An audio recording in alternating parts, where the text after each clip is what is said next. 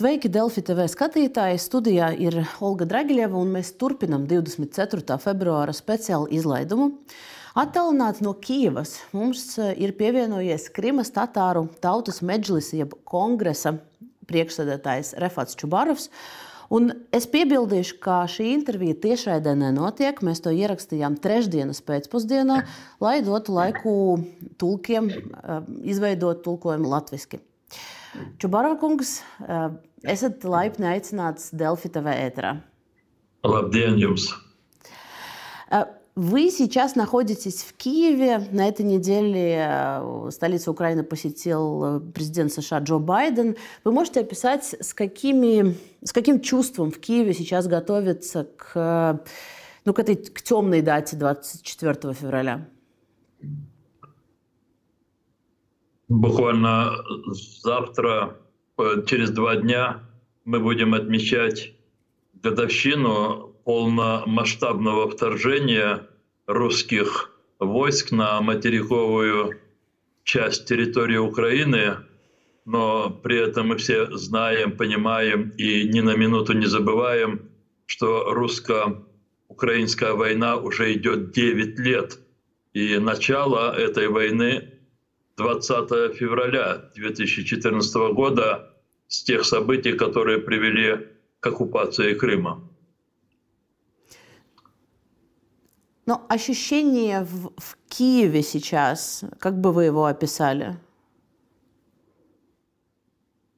Вы знаете, от чувства максимального единения, которое сформировалась в украинском народе конце февраля, марте 2022 года, э, вот это чувство, э, оно не, не только никуда не исчезает, а оно постоянно подкрепляется э, действиями наших международных партнеров, максимальной э, такой э, мобилизации и поддержку Украины, э, противостояние российской агрессии, агрессии и ее э, угрозе уже над всем миром. И поэтому в ходе э, визита президента Соединенных Штатов Америки в Киев, который состоялся днями, украинцы еще больше утвердились в том, что результатом этой войны, русско-украинской войны, будет абсолютная победа Украины, цивилизованного мира и полная капитуляция России. А что вы можете рассказать о том, что в Крыму сейчас происходит? Э, какая там обстановка, какой, какой там настрой?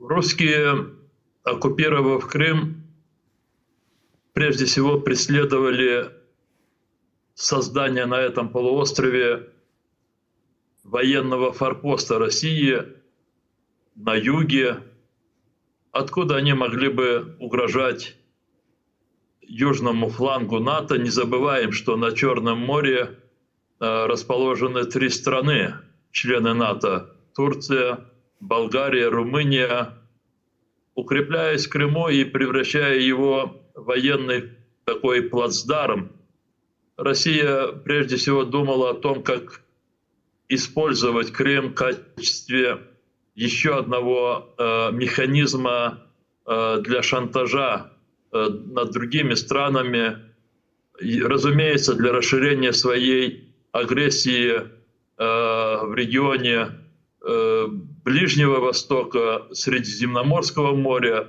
Севастополь стал э, городом, откуда осуществляются все э, коммуникации с военными базами России на территории Сирии.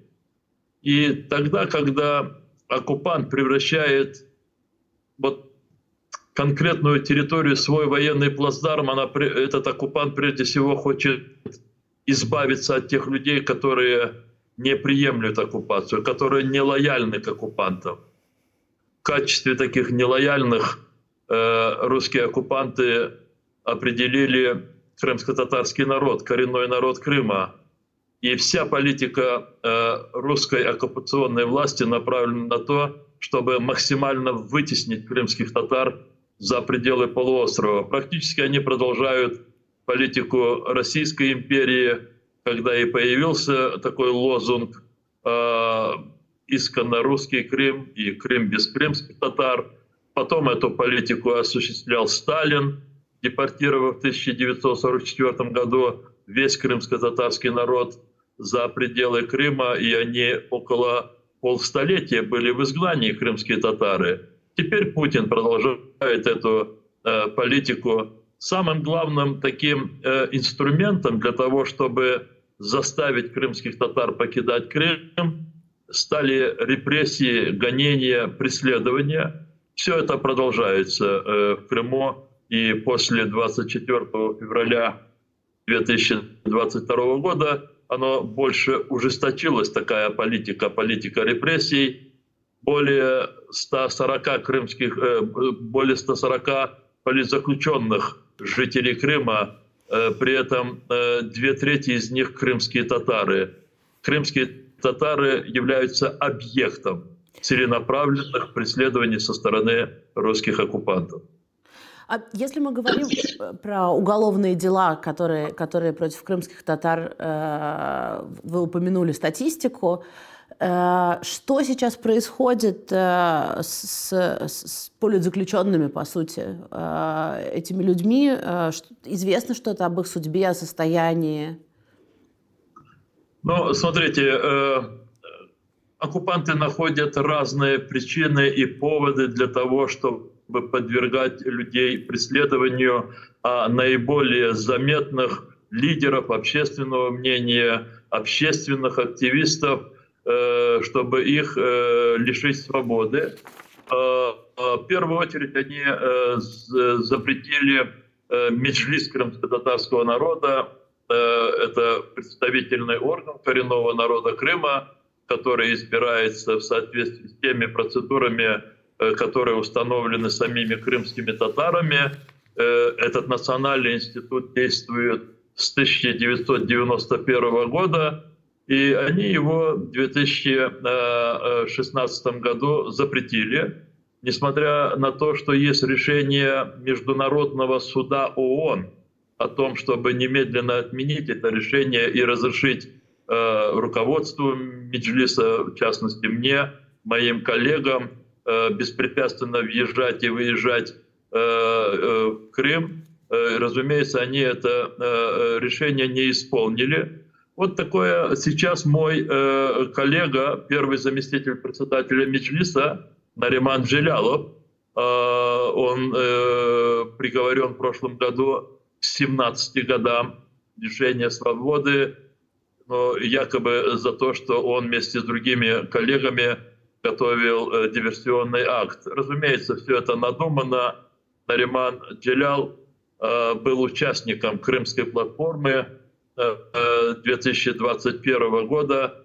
Его предупреждали, чтобы он не ездил из Крыма и не участвовал в работе этого международного форума. И после приезда обратно в Крым он был арестован и теперь вот уже приговорен к такому большому сроку. Есть большая группа крымских татар, которых обвиняют якобы принадлежности к экстремистским течениям ислама. Религия – это еще один такой э, фактор, который широко используется русскими оккупантами. Даже не столько религия, а именно ислам.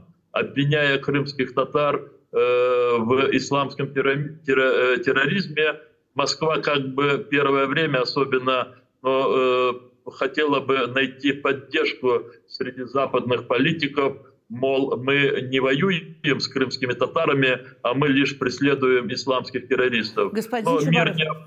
Да, да про... пожалуйста. простите, пожалуйста, что я вас перебиваю. А, есть, есть просто еще один аспект, который в связи с преследованием крымских татар э, очень хочется упомянуть в этом разговоре. Э, СМИ об этом много писали, и правозащитная организация «Крымсос» э, сообщала, что около 90% повесток мобилизационных в Крыму, они пришли именно крымским татарам. И есть э, правозащитники, которые, в принципе, считают, э, ну, считают это геноцидом, направленным на уничтожение народа.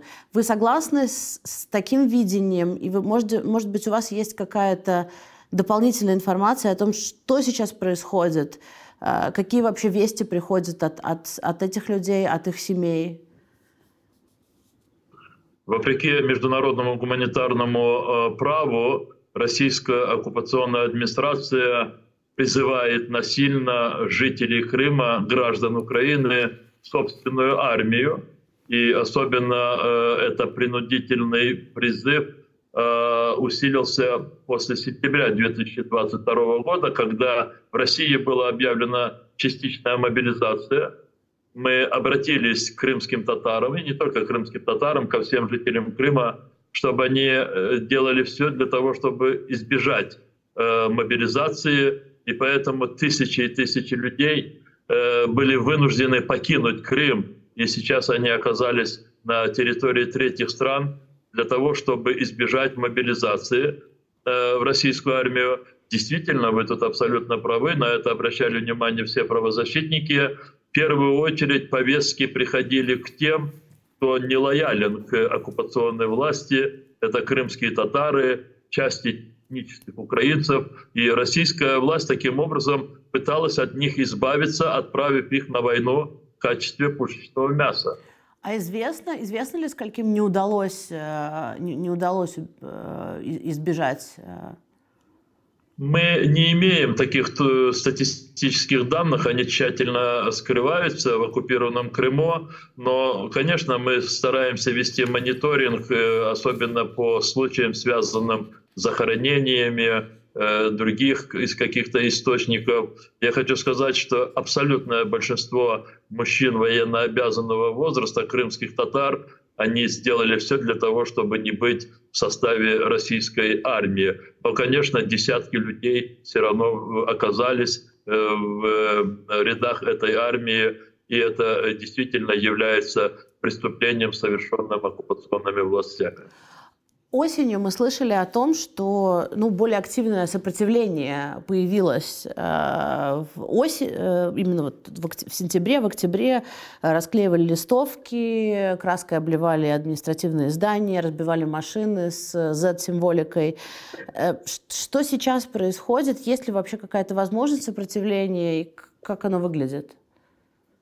Я просто напомню, что э, в августе, в сентябре и чуть позже состоялись некоторые действия, которые свидетельствовали о том, что украинское государство от риторики э, в отношении Крыма переходит к практическим действиям. Э, был нанесен удар по военному аэродрому э, Новофедоровке под городом Саки, и 10 истребителей было уничтожено. Был взорван очень мощный склад боеприпасов под Джанкоем были атакованы беспилотниками э, штаб и другие объекты Черноморского флота России в Севастополе. И все это, конечно, максимально подняло дух людей, э, тех, которые э, ожидают возвращения Украины или восстановления суверенитета Украины над Крымом. И эти люди перешли ну, более, может быть, таким заметным действием которые позволяют нам говорить о том, что в Крыму очень большой потенциал сопротивления. Но это сопротивление будет еще более проявляться по мере продвижения и приближения вооруженных сил Украины к э, административным границам Крымского полуострова. Ну, как сейчас это сопротивление выглядит? Есть ли у вас какая-то ну, последняя информация? Ну, прежде всего я хочу сказать о том, что э, очень много людей приходят к э, судам, э, судилищам, где незаконно судят их э, соотечественников, я имею в виду прежде всего крымских татар. Они не боятся участвовать в различного рода международных мероприятиях, направленных на э, мониторинг прав человека в Крыму. Э, другие формы сопротивления, э, в которых принимают участие э, люди, разных национальностей. Это э, э, демонстрация символов, но э, не подчинения, не покоры, э, не покорения, я не знаю, как это еще по-русски сказать. И э, э это, это очень имеет большой эффект э, в обществе, где тотальный контроль оккупантов, там любое... Это, знаете, это как в советское время, когда э, э, житель Риги подходил в центре Риги к памятнику свободы с цветами в руках, Э, э, цвета э, латвийского флага запрещенного. И, и, и это был эффект разорвавшейся бомбы. Что-то подобное сейчас происходит в Крыму. Любая демонстрация непокорности – это поднятие духа у людей.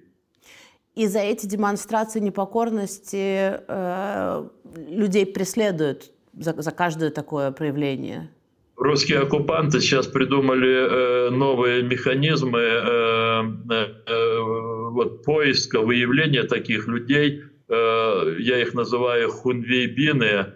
Э, но, э, разумеется, в Крыму есть сторонники э, России и люди, которые содействовали оккупации Крыму, э, сторонники русского мира. И среди них есть э, молодые, не очень молодые люди, которые выискивают от э, симпатиков Украины, э, публично э, доносят на них, и уже десятки людей, которые были привлечены к суду, в некоторых случаях к административной ответственности, но есть несколько случаев привлечения криминальной ответственности, ну, скажем, за компрометацию вооруженных сил Российской Федерации. Такая норма была введена в российском законодательстве после 24 февраля 2022 года.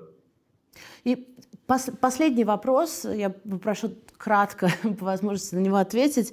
Э, вы э, с 2014 года вы, вы публично на мировых площадках говорите о проблемах Крыма, э, и в самой Украине об этом говорите тоже. Как вам кажется, за последний год что больше всего изменилось понимании этих вещей?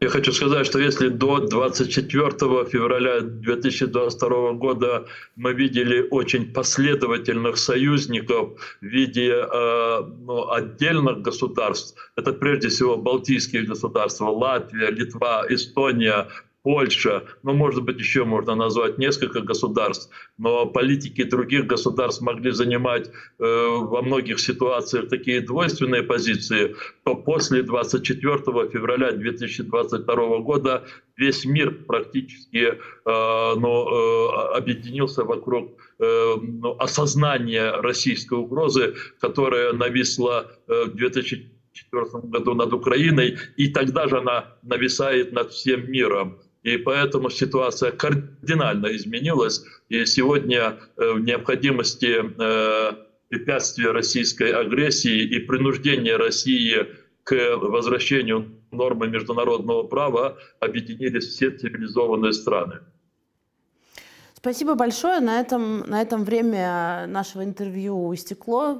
А, спасибо за, э, за то, что смогли в, в эти дни уделить нам. Ну, если я что-то чем-то смог быть вам полезным, большое спасибо вам.